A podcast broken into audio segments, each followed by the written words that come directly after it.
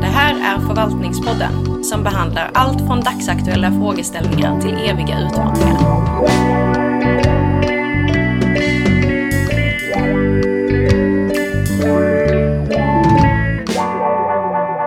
Välkomna till ett nytt avsnitt av Förvaltningspodden. Eh, som den här gången kommer handla om någonting som är alltid aktuellt, men kanske mer aktuellt än, än eh, vanligt, om migration och flyktingar. Och med oss har vi i turordning, ska vi börja med dig Greg, som är professor. Ja, Greg Buckenap, professor i offentlig förvaltning här vid Förvaltningshögskolan och har jobbat med olika ja, frågor kring migration och integration de senaste två decennier. Mm. Och Andreas Lundstedt. Mm, precis, Andreas Lundstedt, jag är doktorand här. Craig är en av mina handledare och jag har varit doktorand några år. Och min avhandling handlar om migrationskontroll, en jämförande studie av Sverige och Kanada. Jag har också tidigare jobbat med integration av ensamkommande flyktingbarn i Göteborgs stad innan jag började doktorera. Ja, eh, jag tror att din, eh, ditt avhandlingsprojekt är väl en bra, ja. eh, ett bra ställe att starta på. Du jämför Sverige och Kanada om jag har förstått det rätt.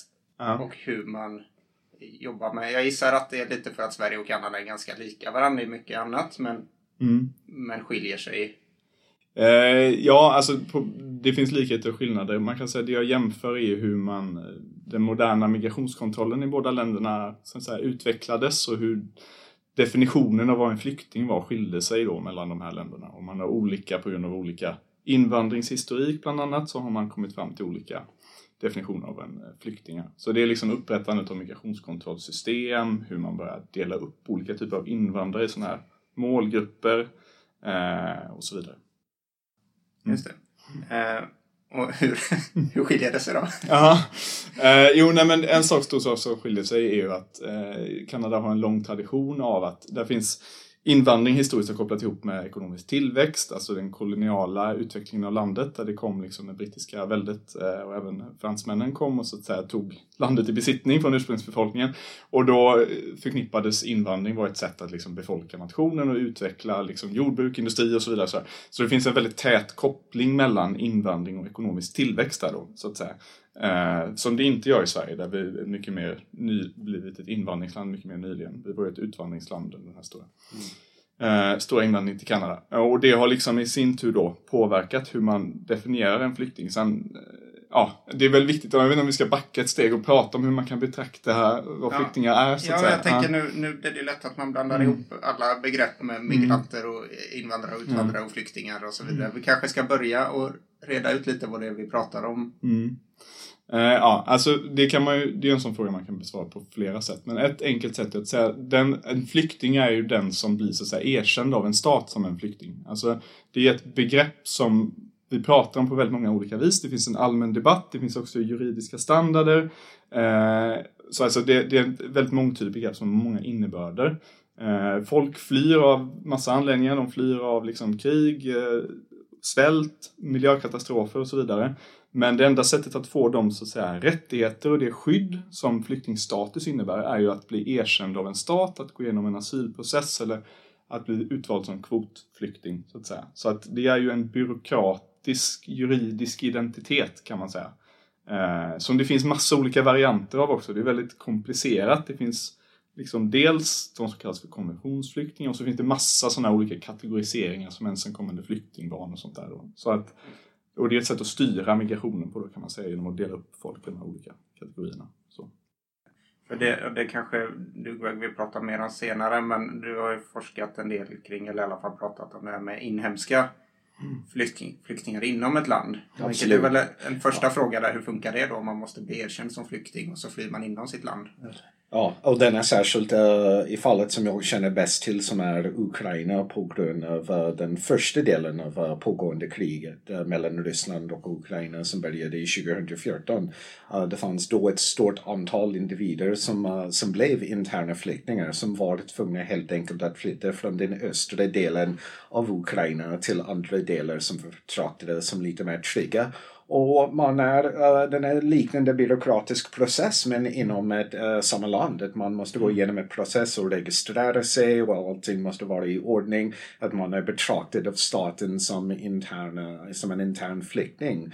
Um, tack och lov, uh, nu efter den här hemska upptrappning uh, till den fullskaliga kriget från uh, 24 februari i år att den är nu mycket enklare för ukrainare som, uh, som befinner sig i en situation där de måste flytta men kan fortsätta bo i samma land. Att, uh, att registrera sig mycket enklare process. Uh, för allting är uh, vissa rättigheter, tillgång till resurser, pengar, andra rättigheter uh, om man är internflykting är kopplad till just den här, den här formell registrering. Det, de här, de som kallas för internally displaced people, ja. kallas ju de i liksom internationell litteratur eller även av UNHCR och så vidare. Eh, det är ju så en typ av kategori av människor som inte platsade in i den ursprungliga flyktingdefinitionen då. För att den som kommer efter andra världskriget med flyktingkonventionen, tidigt 50-tal och så vidare, den byggde på att du skulle ha korsat en internationell gräns. Det är liksom ett sånt juridiskt krav för att kunna bli erkänd som flykting. Så att den här statusen är ganska snäv. Den betyder något väldigt specifikt. Den var liksom påverkad av den nazistiska förföljelsen av judar och så vidare. Och sen har migration som liksom samhällsfenomen har ju ändrats jättemycket sedan dess. Och nu är det väldigt många människor som inte passar in då i de här juridiska kategorierna som man använder för att, så att säga, styra över och klassificera människor inom migrationspolitik. Så, um... Jag tänker att det borde väl, nu, nu får ni rätta mig om jag har fel, men jag tänker att det blir väl ännu krångligare i Europa då om man återgår till att jämföra med, med Nordamerika där det ju är betydligt färre länder på en kontinent. Här i mm. Europa, det märkte man väl kanske framförallt då med, med Syrien och det att man får ju korsa väldigt många länder om man vill till mm. Sverige till exempel. Det måste väl krångla till det juridiskt ännu mer gissar jag.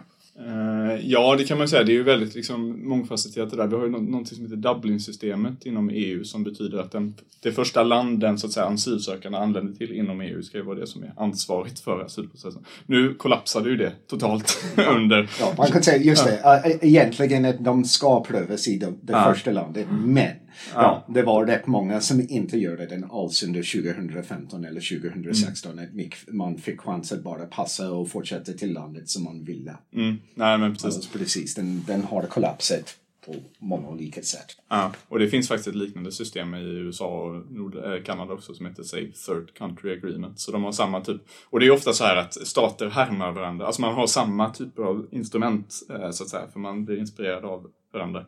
Men det finns ju en väldigt eh, bred palett av sådana här migrationskontrollsinstrument som man använder sig av för att på olika vis försöka styra och ofta förhindra att folk söker asyl. Då, för att asylrätten är ju liksom en rätt att söka asyl. Det är väldigt viktigt. Alltså liksom så, du har en rätt att, och den hänger ihop med att du måste vara på en stats territorium. Så för att söka asyl till Sverige så måste du befinna dig eller vid den svenska gränsen så att säga. Eh, och det är ju någonting då som man inom väst liksom, i årtionden, något som kallas för remote control i forskningslitteraturen, försöker liksom hindra folk från att på olika vis komma fram för att kunna söka asyl. så att säga. Eh, bland annat genom att sätta visumkrav, så, som vilket gör att du får inte visum så du kan inte flyga, så du måste ta det via land eller till fot och så vidare, alltså via farliga eh, havsfärder och så vidare. Eh, och det har man ju varit väldigt explicit med i många länder, eh, framförallt då i Kanada som jag har studerat. Där hade man ju liksom länge ett system, och har nog fortfarande tror jag, där man om ett visst land genererar en x antal asylansökningar så sätter man liksom ett visumkrav direkt för att förhindra att folk kommer fram till Kanada och söker asyl. För de vill liksom välja sina flyktingar. Jag, jag tycker att Andreas lyfter någonting här som är jätteviktigt som att vi rätt ofta glömmer. Att när vi, när, vi tänk, när vi tycker så synd om dessa individer som måste fly över havet för att komma till Europa. Mm. Den är inte som om den är deras första val. Nej. Så de skulle hellre såklart flyga. Mm, men den är visumkrav av stater inom mm. Europa som förhindrar detta. Precis. Den är där som vi ska ligga ansvar. Precis. Ja, nej, men det är ju intressant för man, man tänker ju lätt att folk flyr över Medelhavet för att de kanske liksom inte har råd att flyga eller att det inte finns flyg. Men att det egentligen är vår juridik eh, mm. på, på i, mottagarsidan så att säga som är anledningen till att man får välja det farligare sättet att resa då. Den är mycket billigare, billigare skulle jag gissa att köpa ett flygbiljett Ja, från många av dessa länder än att betala smugglare. Ja, nej men det som Greg säger, det är väldigt viktigt att liksom statlig reglering, statliga styrinstrument, kontrollinstrument och så vidare som vi använder oss av. Visumkrav är en, det här med transportörsansvar, det vill säga att flygbolag hålls ekonomiskt ansvariga om personer som inte kan identifiera sig går på ett flygplan, alltså de som man får problem med asylprocessen, som gör att de i sin tur då inte tillåter många att gå på flygplan om de inte har liksom pass och så vidare. Sådär. Ehm, det är ju det som skapar hur folk rör sig. Alltså, så det, här, det är ju inte alls så att det sker något vakuum, liksom, utan den statliga regleringen påverkar jättemycket hur, hur folk migrerar, hur de kan och inte kan migrera. Hur man låses fast i flyktingläger jättelänge och sånt där. Alltså, så, det, är, det är ju inte något som så att säga, sker av sig självt. Utan, Fortress Europa börjar långt utanför Europa. Ja, nej, nej men precis. Och det, här finns ju också en, om man tar fallet med Kanada som ofta lyfts upp som en sån här liksom, ska man säga, för, föregångsland eller exceptional country of immigration internationellt som att det har ett väldigt liksom, välreglerat och välfungerande sådär, eh, invandringssystem så bygger ju det på att de väljer folk. Alltså dels är att de är så långt bort, alltså det är liksom oceaner eller USA som, som så här, ligger runt det. Eh, och det bygger, traditionen där är det som ger det legitimitet, man har en stor invandring, legitimiteten kommer genom att man väljer folk. Alltså de har då en stor tradition av det som kallas resettlement, det vi kallar för kvotflyktingar.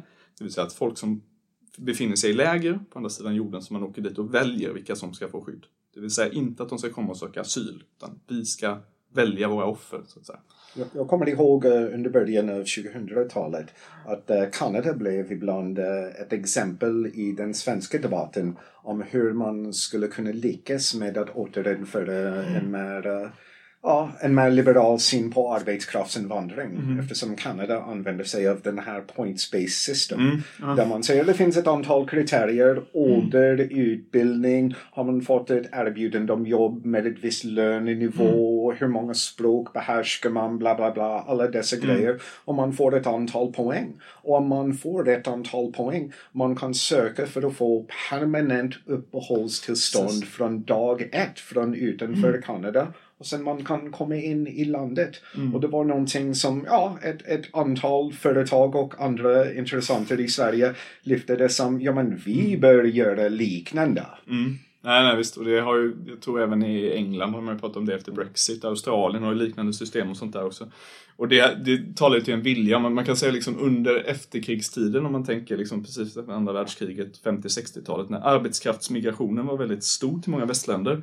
Då var det liksom till industrin, här till Sverige var det Volvo, SKF och så vidare. Man åkte till Sydeuropa och rekryterade liksom eh, migranter och sånt. Sen successivt har det blivit så många västländer att man vill liksom mycket mer finfördelat välja liksom högkompetent arbetskraft och så vidare.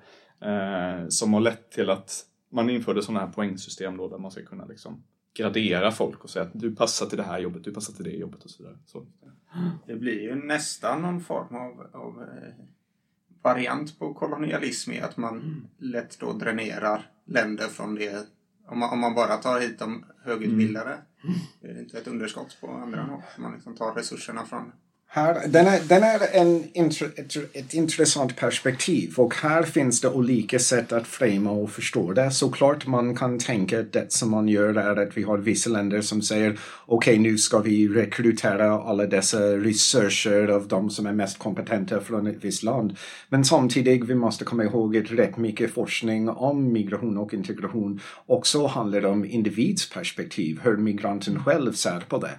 Och de är inte emot att det finns chanser att flytta till ett annat land för att skapa ett nytt liv, för att, för att få en bättre karriärchans, för att få uh, tjäna ännu mer pengar, för att bygga ett nytt liv.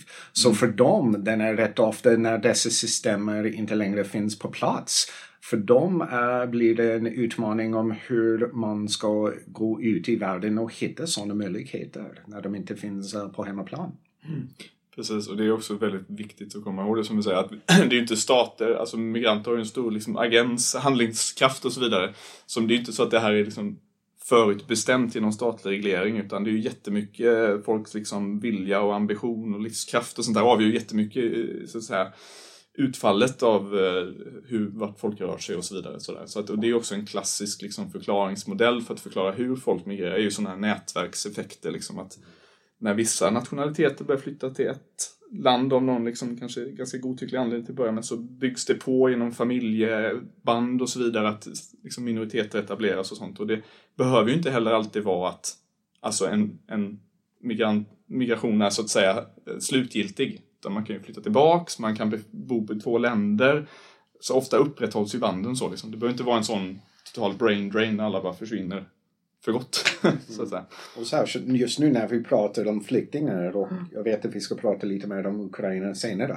Men, men det är rätt många som har kommit från Ukraina till uh, länder i Europe, Europeiska unionen som har fått uh, uh, skydd under Maastrichtdirektivet de redan nu ibland åker hem mm. och sen åker tillbaka till landet i EU där de har fått skydd. Eftersom det finns vissa saker som de behöver ta hand om på he äh, hemma. Det kan vara föräldrar, det kan vara för att de har ett företag som de delvis jobbar med fortfarande. Det kan bli att sjukvård är uh, för dyrt i ett visst EU-land och de tycker det är enklare att ta risk att åka hem och få en viss procedure uh, hemma i Ukraina. Mm. Så till och med dessa individer som vi betraktar som flyktingar som okej okay, nu ska de sitta här och vänta för att kriget ska ta slut. Uh, inte alltid så. Det finns en hel del cirkulär migration redan Precis. bland dem. Och det är faktiskt väldigt intressant. Jag vet att det finns studier från den mexikansk-amerikanska gränsen hur Alltså sån här cirkulär migration kan funka jättebra när man har sådana här säsongsarbetande inom jordbruket och så vidare som man hade på, eller ja, som stor del av vår ekonomi bygger ju på i Europa också, att det kommer liksom de här migranterna som inte erkänns eller som, som säger olagliga migranter, de arbetar ju också inom jordbruk och så vidare i Italien och Spanien ofta sådär, så ekonomierna är ju beroende av dem. Och så även i USA, men då har det ju blivit så att i takt med att man via statlig reglering på olika vis och det är massa olika källor till att det har blivit, liksom, införts mer restriktiv gränspolitik, har gjort det mycket farligare att resa över gränsen. Så det blir mer så att man skapar liksom en situation där det blir antingen eller. Alltså nu måste du stanna när du väl har tagit dig över på något vis. Så att det blir också att man höjer liksom oddsen eller risken i att migrera genom att så att säga upprätta statliga gränser som en sån Eh, allt eller inget resa på något vis. Så att säga. Och den är någonting som vi inte ser i vissa länder inom EU där såklart eh, e EU-medborgare har rätt att eh, bo och jobba var som helst i EU och där det finns länder nära varandra med kraftig, kraftiga inkomstskillnader. Mm. Om vi tar eh, Estland och Finland som exempel. Det finns rätt många folk från Estland som vaknar på en söndag, kör bil till mm. färja i Tallinn, tar färja till Helsinki, jobbar hela veckan någonstans, inte nödvändigtvis i Helsinki, någonstans i Finland så veckopendling från Finland uh, till Finland och sen hem till Estland under helgen först och främst eftersom man känner så mycket bättre. Och den är en cirkulär migration som verkligen fungerar för dem och den fungerar eftersom de är två länder inom samma migrationssystem. Sverige-Norge. Ja, den, var, den tyckte jag var rätt intressant att titta på hur den här diskuterades i uh, dagsmedia i Sverige. Att um, att rätt många svenskar betra var betraktade som arbetskraftsinvandrare som skulle komma och ta låglönejobb i restaurangsektorn. Och jag tänker, jaha, nu handlar det om svenskar.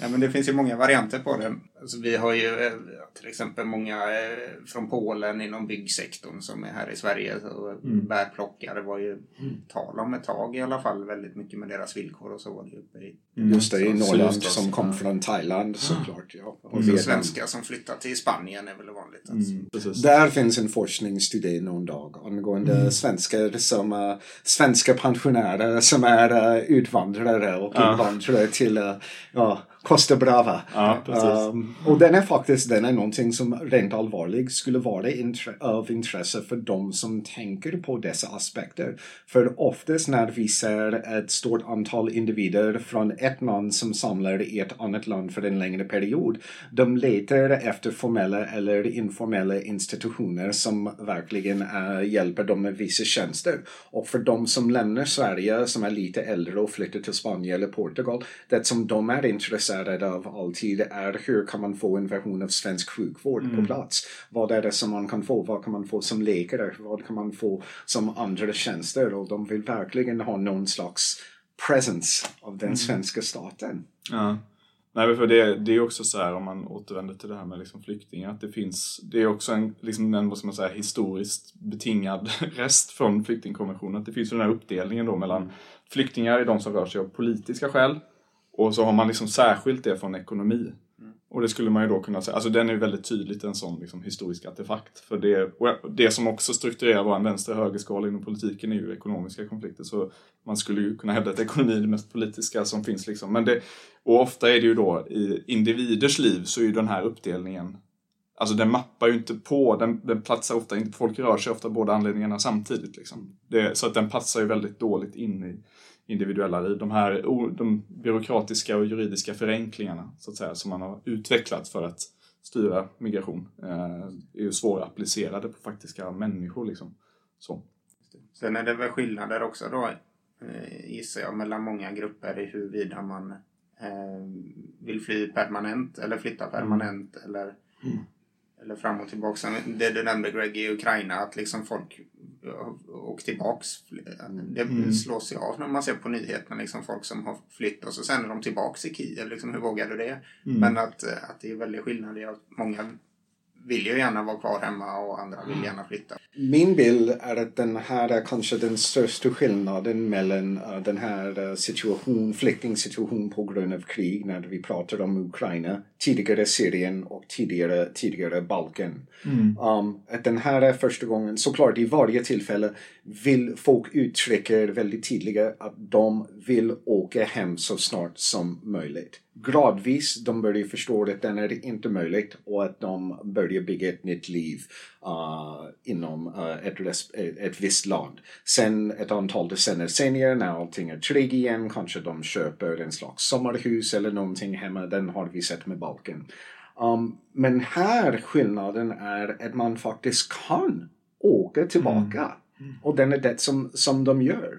Så därför är det väldigt svårt att veta vad kommer att hända. Kommer vi att få lika många som, eller lika många procentvis som, som stannar om de får chans i Sverige när kriget uh, tar slut? Den är, den är inte tydlig, särskilt när vi tänker på skillnaden i uh, demografi att uh, de som kommer från Ukraina är först och främst uh, kvinnor och uh, barn eftersom man, män som är mellan 18 och 21 inte får lämna landet och på grund av martial law. Um, så mm. den betyder att vi har nästan alla familjer som är delade upp i ett antal länder och om de ska bli tillsammans igen. Man skulle gissa att rätt många kommer att flytta hem. Mm. Nej men det är som du säger, det finns stora liksom, skillnader mellan olika som sagt, Syrien var ju också i alltså, större utsträckning familjer som kom ofta. Medan som man jämför med Afghanistan, ett annat stort land, där var det ofta ens, alltså, mm. ensamkommande barn. Det överlägset största liksom, land, ursprungslandet för dem är ju Afghanistan. Där kom man oftare ensam. Ofta var det, ofta var det män. Så att det finns liksom de individuella karaktärsdragen i respektive konflikt eller vad det kan vara. De, de avgör ju väldigt mycket också vilka det är som kommer och vad som händer i framtiden. Samtidigt som de här då juridiska administrativa standarderna är liksom de samma för de olika grupperna. Så man, de ska ju liksom så att säga appliceras på dem ändå, vilket ju skapar eh, Ja, alltså det är en enormt komplex process då, eh, asylprocessen. Om man ska ta den bara nu. De ukrainska flyktingarna har ju liksom i hög grad gått förbi den på grund av massflyktsdirektivet. Men asylprocessen som sådan är ju oerhört eh, komplext beslutsfattande. Liksom. Det ska vara Eh, dels är det ofta en frånvaro, det som upplevs som pålitlig, pålitliga bevis, alltså dokumentation, eh, identitetsdokument, massa sådana saker. Det ska vara framåtsyftande, så man ska liksom titta framåt. Vad är risken framåt? Eh, vilket ju är extremt svårt. Eh, det ska på något vis anpassas till folks individuella skyddsskäl. Alltså om man tillhör en etnisk minoritet, vad det är för skydds... Alltså vad det är för faror status för den, ens personliga historia. Så, det är jätte, jätte, jättesvårt att fatta de här besluten så att säga. Eh, och så är folks liv så annorlunda också i ljuset av det. Så det. Eh, jag tänker, nu är ju eh, Ukraina räknas ju till Europa men hade de varit med i EU dessutom gissar jag att det hade varit betydligt annorlunda situation. Det kanske blir att spekulera för mycket, men hur hade det... Så, såklart, Ja, men det som vi kan börja med är att uh, om, om vi tar situationen som den är, att den är ukrainare innan, uh, innan 24 februari. De hade uh, 90 dagars tillgång, uh, visefri tillgång till Europa. Um, så när kriget började 24 februari, den fullskaliga kriget, för kriget hade redan pågått ett antal år. Um, tanken var hur ska Europas länder, EU-länder lösa den här uh, efter dag 90? För de som plötsligt befinner sig i EU-gränser e och inte har någon formell grund att vara i Europa om de inte uh, lämnar in en asylansökan. Och vi har någonting som heter massflyktsdirektiv som kommer från 2001 som är, som är någonting som har varit på hyllan under flera decennier som man inte har använt som många tyckte att vi borde ha använt uh, i 2015 men eh, till slut, eh, mars 3 i år fattade Europeiska kommissionen beslut att man skulle applicera massflyktsdirektiv som betyder i princip för dem som är ukrainska medborgare eller för uh, de som uh, hade någon slags uh, formellt tillstånd att bo i Ukraina eller hade sökt skydd att vara i Ukraina, att de kunde bo i Europa under maximum tre år om man skulle förlänga massflyktsdirektiv, men först var det ett år. Så man fick vissa rättigheter att vara bosatt och jobba. Uh, barn skulle få tillgång till utbildningssystem.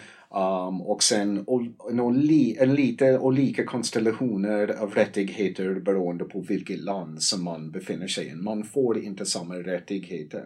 Men i princip, uh, den här för folk som kommer från Ukraina som är ett tredje land, att den här var ett sätt att inte överbelasta asylsystem mm. med massa prövningar. Särskilt när man tänker på de länder som befinner sig närmast uh, Ukraina som uh, antagligen Polen och Ungern och Tyskland.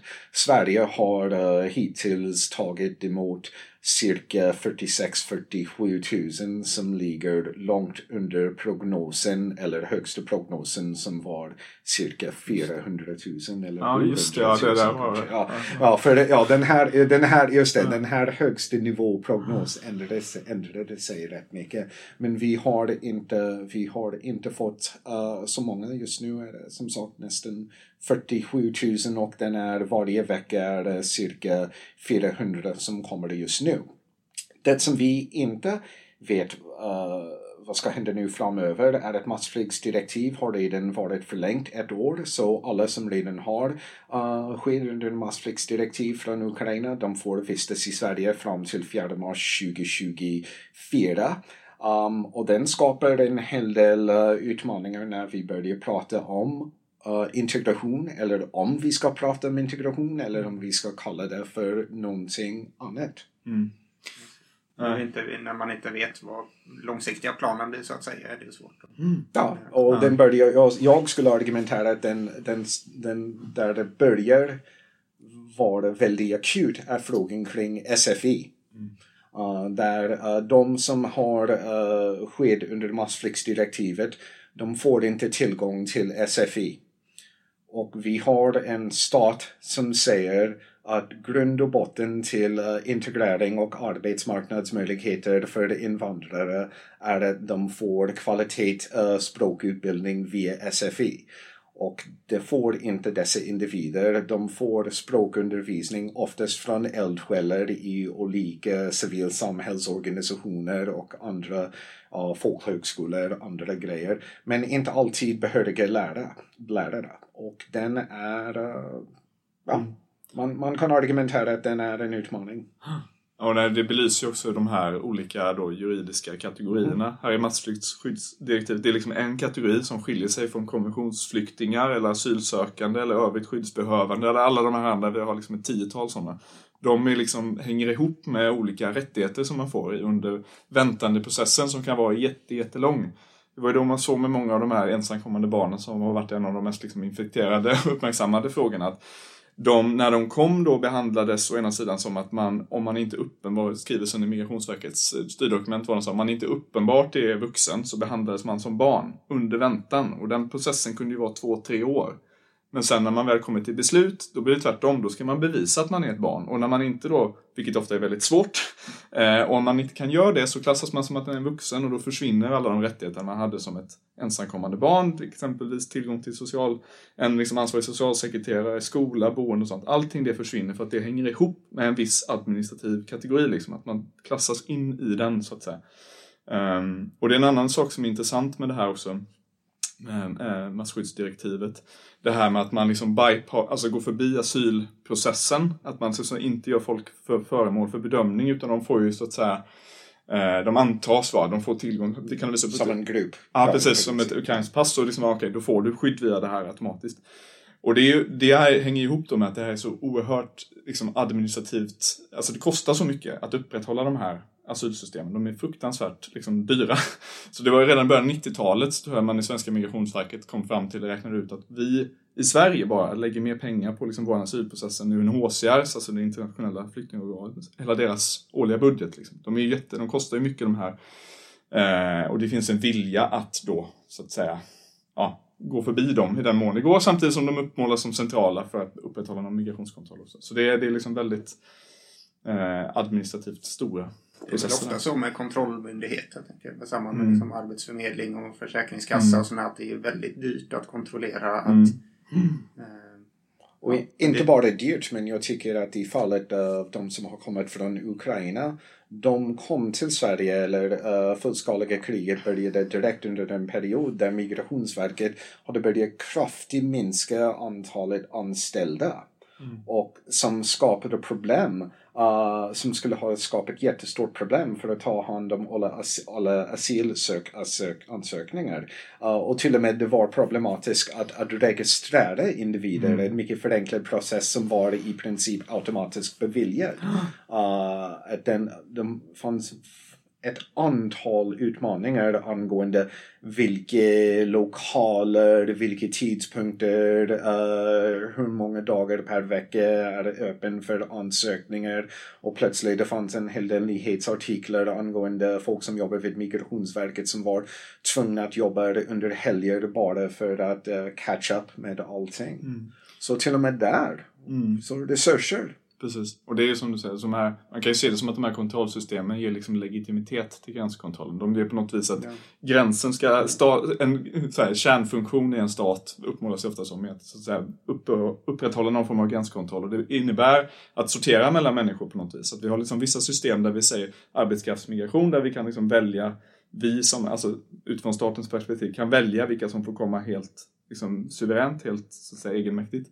Medans i flykting, det finns internationella regelverk för flyktingar och sånt som man måste förhålla sig till. Men man ska sortera folk ut efter dessa och det är liksom legitimiteten i systemet ligger i att man på något vis kontrollerar de som kommer. Och det är också väldigt tydligt då om man ska ta det här andra landet jag studerat i Kanada, där ligger ju hela Alltså det är väldigt påtagligt där att det har liksom politiker också ägnat, liksom, man har etablerat sådana här, liksom, som de kallar det för utbildningskampanjer där man ska utbilda medborgare i hur väl vårt invandringssystem funkar därför att vi liksom väljer de som förtjänar att komma hit. Så.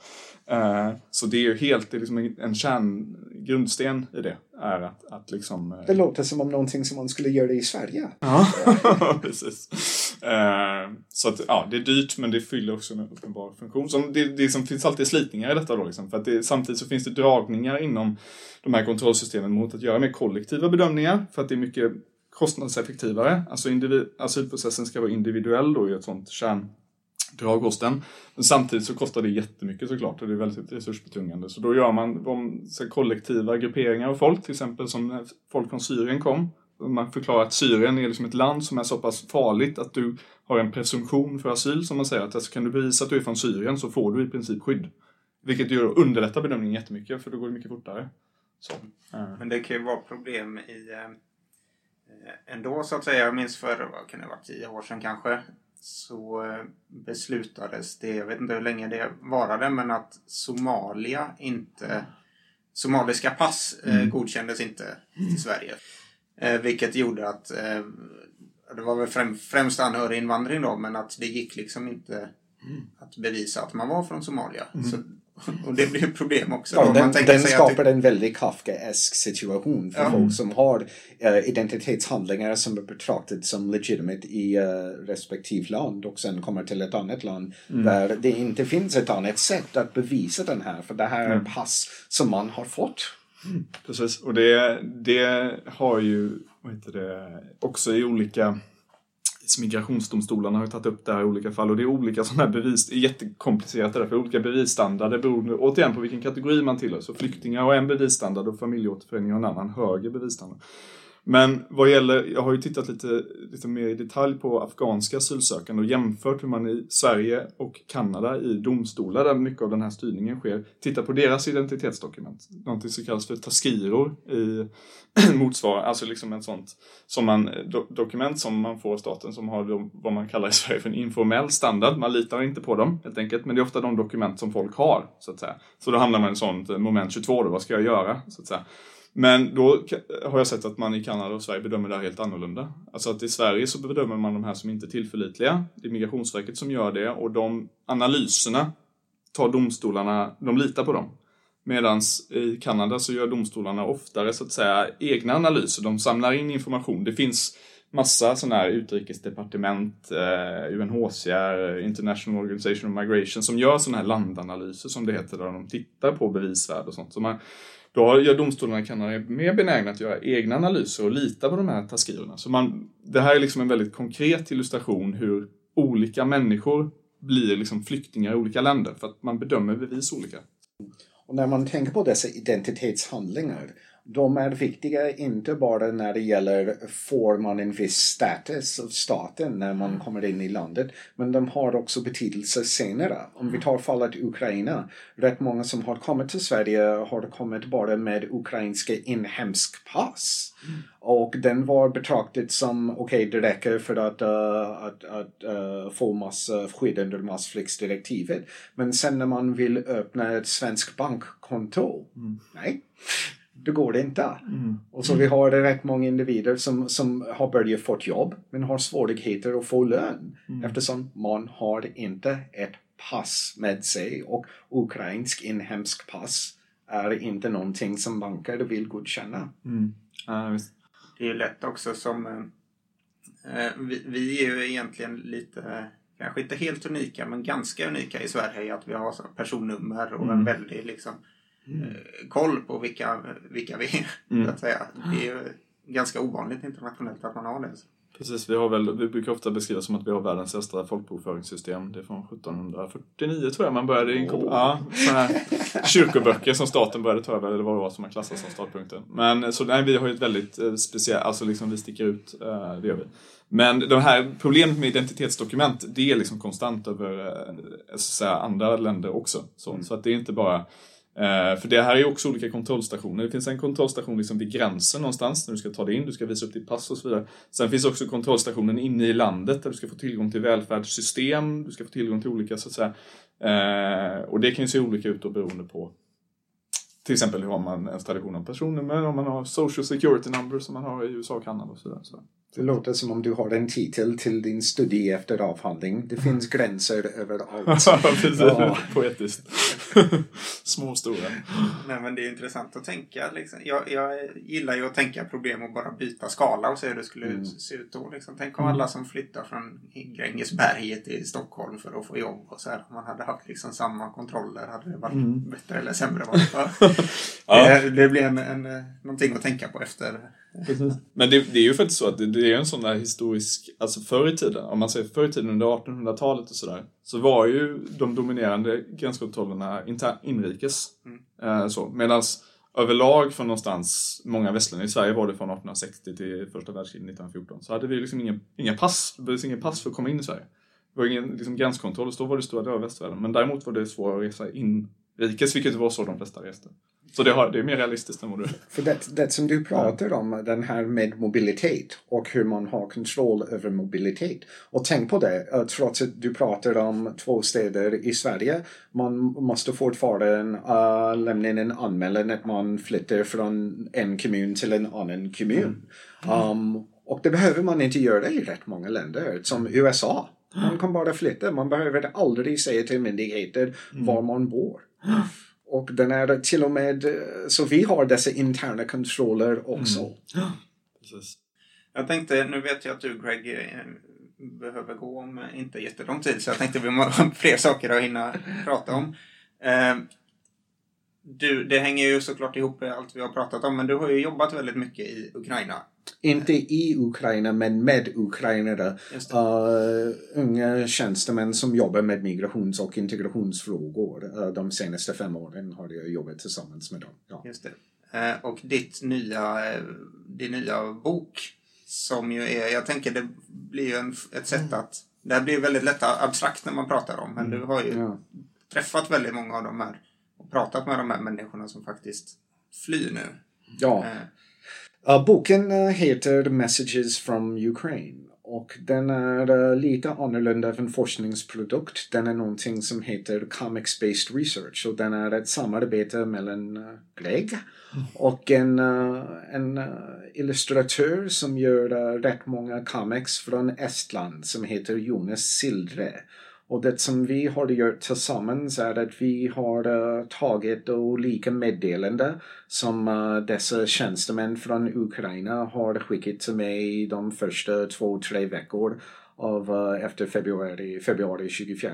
Och um, vi har tagit, tagit deras meddelande och gjort dem om till lite visuella vignetter som visar hur jag uh, betraktar det som de upplevde när de, med, när de skickade meddelande.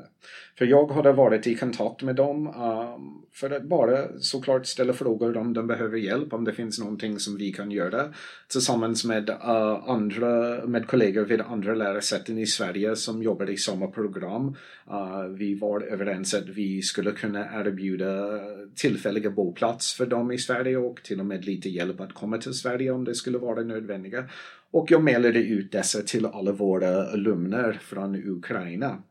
Och jag började få in svar och ibland var de jättekorta svar, ibland var de lite längre svar. Och det som jag märkte var att jag, när jag läste alla dessa meddelanden, såklart den är, ja, den är inte den är lite incomplete information som man får. För de skriver under tidspress och de säger till exempel att uh, ja men tack för det erbjudandet men jag ska stanna hemma i Ukraina och jag ska vara volontär för att hjälpa mitt land. Och jag som individ som känner dessa personer började fundera på men vad betyder det att man ska vara volontär? Ska man, ska man, ta, ska man ta machine gun och ut i, ja, ut i fältet? Eller ska man laga mat? Och så jag började prata om det här med min kollega från Estland och jag beskrev till honom att, att den här är någonting som ligger i linjen med min lite mer interpretivistisk syn på forskning. Att när vi, oftast när vi intervjuar individer, vi får deras perspektiv angående en viss händelse. Men sen vi måste komma ihåg att det som vi gör är ytterligare en tolkning av deras tolkning. Och jag tyckte att den här nästan metodologiskt var ett jättebra sätt att visa att man har tolkningar av tolkningar. Så vi har dessa eh, uh, vignetter från 15 individer. Den är en ganska kort bok när det gäller den grafiska biten. Den är 36 sidor. Uh, och sen finns det lite tidslinjer. Det finns en intervju med uh, med jag och uh, Jonas och det finns också en studieguide. Och boken är publicerad av University of Toronto Press. Vi tjänar inga pengar på boken och förlaget inte heller också. Alla är överens att alla intäkt från bok ska, ska skänkas bort till Canada Ukraine Foundation. Så den är därför att jag nästan nästan lite för entreprenörisk vill alltid prata om boken. För den är ingenting som gynnar mig personligen men det gynnar uh, folket i Ukraina. Och den är någonting som jag tycker kommer att vara jätteintressant att prata med forskare om och prata med studenter om. Senare idag ska jag prata med Malmö universitet. Tre olika institutioner. Det finns metodkurser vid universitet i Tyskland som vill prata med mig om det. Det finns en uh, kurs i uh, Paris, J, angående uh, sociolingvistik som vill prata om det. Så för mig varje tillfälle är, en, uh, är uppskattat för att prata om den här boken. Det finns ja, olika sätt som folk kommer att läsa det och olika skäl som de kommer att vara intresserade. Och jag är beredd att prata med dem såklart. Mm. Det är bra exempel på saker som går, att det går fort också. Tänker jag. Alltså konflikten har precis brutit ut. Ja. Den är redan publicerad. Det är jättebra att det liksom... Uh, den är tack vare förlag, får jag säga. För de, det var, jag kommer ihåg ett första mail som jag fick tillbaka från uh. dem var att I mean, du förstår att med uh, akademisk publicering att den här oftast tar mycket längre än ett år. Och såklart mm. det vet jag eftersom jag har publicerat ett antal böcker utomlands. Men vi pratade lite om om det fanns möjlighet att mm. tänka lite annorlunda denna mm. gång. Och min känsla var att de verkligen att de trodde på projekt på samma mm. sätt som vi gör det. Och de ställde upp med, med väldigt mycket tid och energi och hjälp för att den skulle vara publicerad och i tryck så snabbt som möjligt. Ja. Ja. Fånga är ju någonting som man kanske lätt missar i andra Bingo. Mm. Den är precis det som jag skulle argumentera är en av de största fördelarna med arts-based research. Är att den, är, att den, den finns saker, delar av en individs upplevelse som inte går att, att verkligen känna igen eller mm. att få tag i när man bara läser en intervju. Men när man får det tillsammans med bilder då är man plötsligt in i deras värld. Mm. Och sen när man intervjuar så har man ju frågor ställda på förhand också. Som, alltså det är inte alltid man tänker på vilka frågor man borde ha ställt som man uttrycker så. Ja, och den är det som vi såg när vi tittade på alla meddelanden som vi fick från dem. Att det var en hel del som de beskrev utan att ha fått frågor att, att diskutera olika sorter av migration, att vara internflykting, mm. uh, att, att flytta till Europa och få, uh, mass, att få skydd under massflyktsdirektiv eller att vara en del av den ukrainska diaspora och redan har varit utomlands och fundera på ska man hem igen, hem igen eller inte. Så ja, mm. den är, de själv har lyftit fram viktiga frågor som är tematiskt kopplade till vår forskningsfält skulle jag säga. Nej, och det blir ju det är en väldigt effektiv kontrast mot de här förenklingarna som ligger i styrningens, eller den statliga styrningen när man så att delar in folk på olika sätt så blir ju rikedomen i ett enskilt liv framträder ju mycket tydligare. Alltså liksom så. Det är en väldigt... Eh, men det, jag tänker att vi kanske ska avsluta med förenklingen då. att det inte blir så. Eh, jag, tänker, jag har skrivit en sista fråga här. Vad ska man göra åt eh, alla problem? Sluta kriga är ju ett lätt svar. Men jag tänker alltid vad pratat om att det finns så många olika nivåer. Och mm. Lagstiftningen är liksom mm. en rest från andra världskriget egentligen. Mm. Eh, det är kanske ingen som tror på att ha helt öppna gränser och inte fullt med kontroller heller. Mm. Hur, hur ska man göra egentligen? Nej men man får väl dela upp den här frågan tror jag för det första, alltså på olika vis. Man kan tänka i asylprocesser så kan man ändra beviskrav. Alltså just nu är det väldigt höga beviskrav på att folk ska etablera asyl, sin identitet som vi pratar om, identitetsdokument. Så jag tror man måste börja finfördela frågan ganska mycket för att kunna göra den besvarbar så att säga. Men för att folk ska få skydd exempelvis om man tar asylprocesser så tror jag att sådana saker att eh, fundera kring vad man lägger bevisbörda, hur folk kan göra sig trovärdiga och så vidare. Det är nyckelfaktorer liksom. Men annars så är det ju också sådana här Ja, det är ju klassiskt. Alltså politik kännetecknas ju väldigt mycket av målkonflikter. Om man tänker då i liksom i Kanada så finns det en hög, alltså liksom ganska stor acceptans och stöd för en expansiv invandringspolitik. Till priset av, eller ljuset av, eller legitimerad av mycket kontroll. Alltså att vi väljer vilka som ska komma. så. Sen, så det är ju ett empiriskt, eller det är ju ett faktiskt existerande exempel på en typ av lösning. Liksom, att ha en stor invandring som är villkorad på att man själv väljer, så att säga. Eh, så att jag tror inte det finns någon, ja det är väldigt svårt att svara på hur man ska göra. det, det, Nej, ja. men det blir ju en konflikt där mellan vem, vems behov är det? Ja. Det är Kanadas behov Precis. är det? Ja.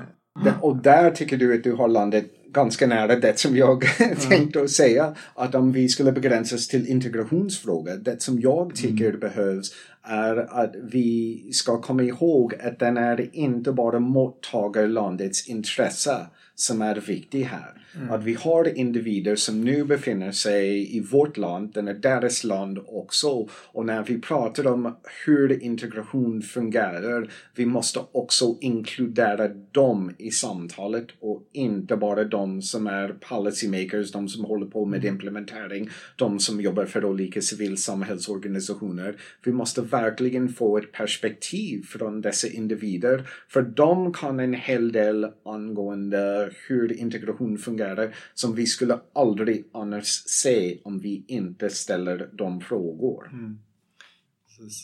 Sen finns det väl också en sån här, jag skulle säga, liksom i den internationella, alltså inom EU och den diskussionen så finns jag har ju, jag tror det finns en, ett behov av att också se de längre historiska liksom konstanterna eller kontinuiteterna i politiken. För det blir lätt att vi lutar tillbaka på, både i Sverige och inom EU och liksom i Nordamerika, samma lösningar hela tiden på problemen. Sådär. Så vi har pratat om samma, om man tittar över, som jag har liksom forskat om historisk invandringspolitik, så kan man se att å ena sidan, det finns någon form av liksom paradox, för så som det pratas om det offentliga samtalet så är det som att det är väldigt mycket förändring hela tiden. Drastisk förändring kan man få intrycket av. Men det, det finns liksom stora kontinuiteter med. De stora problemen inom invandringspolitiken har varit konstanta eh, kontroller, alltså invandringskontrollen under 30-40 år. Alltså det är så här förkorta handläggningstiderna, effektivisera, hur ska vi kunna utvisa människor, vilka ska exakt få skydd och så vidare. Det har varit samma liksom, problem i 40 år. Man har internationellt pratat om vi måste skapa större, liksom, vi måste fördela människor på ett effektivare sätt, vi måste harmonisera, vi måste sådär eh, få länder att göra mer lika och dela på bördan och sånt. Så att den här typen av stora lösningar som man hela tiden använder för att rättfärdiga ganska stora liksom, restriktioner och sånt. Det borde finnas en större liksom, medvetenhet om att det har man redan försökt eller pratat om jätte, jättemycket. Skulle jag säga. Så det finns en historielöshet i det väldigt mycket också. Hem och plugga historia allihop. Då kan vi lösa ja, det. Där har vi lärdom. Ja, yes, så, jag så håller med. Vi får nöja oss med det för den här gången. Så jag tacka jättemycket för att ni var med. Mm, tack så mycket. Du har lyssnat på Förvaltningspodden. En podcast om offentlig förvaltning från Förvaltningshögskolan vid Göteborgs universitet.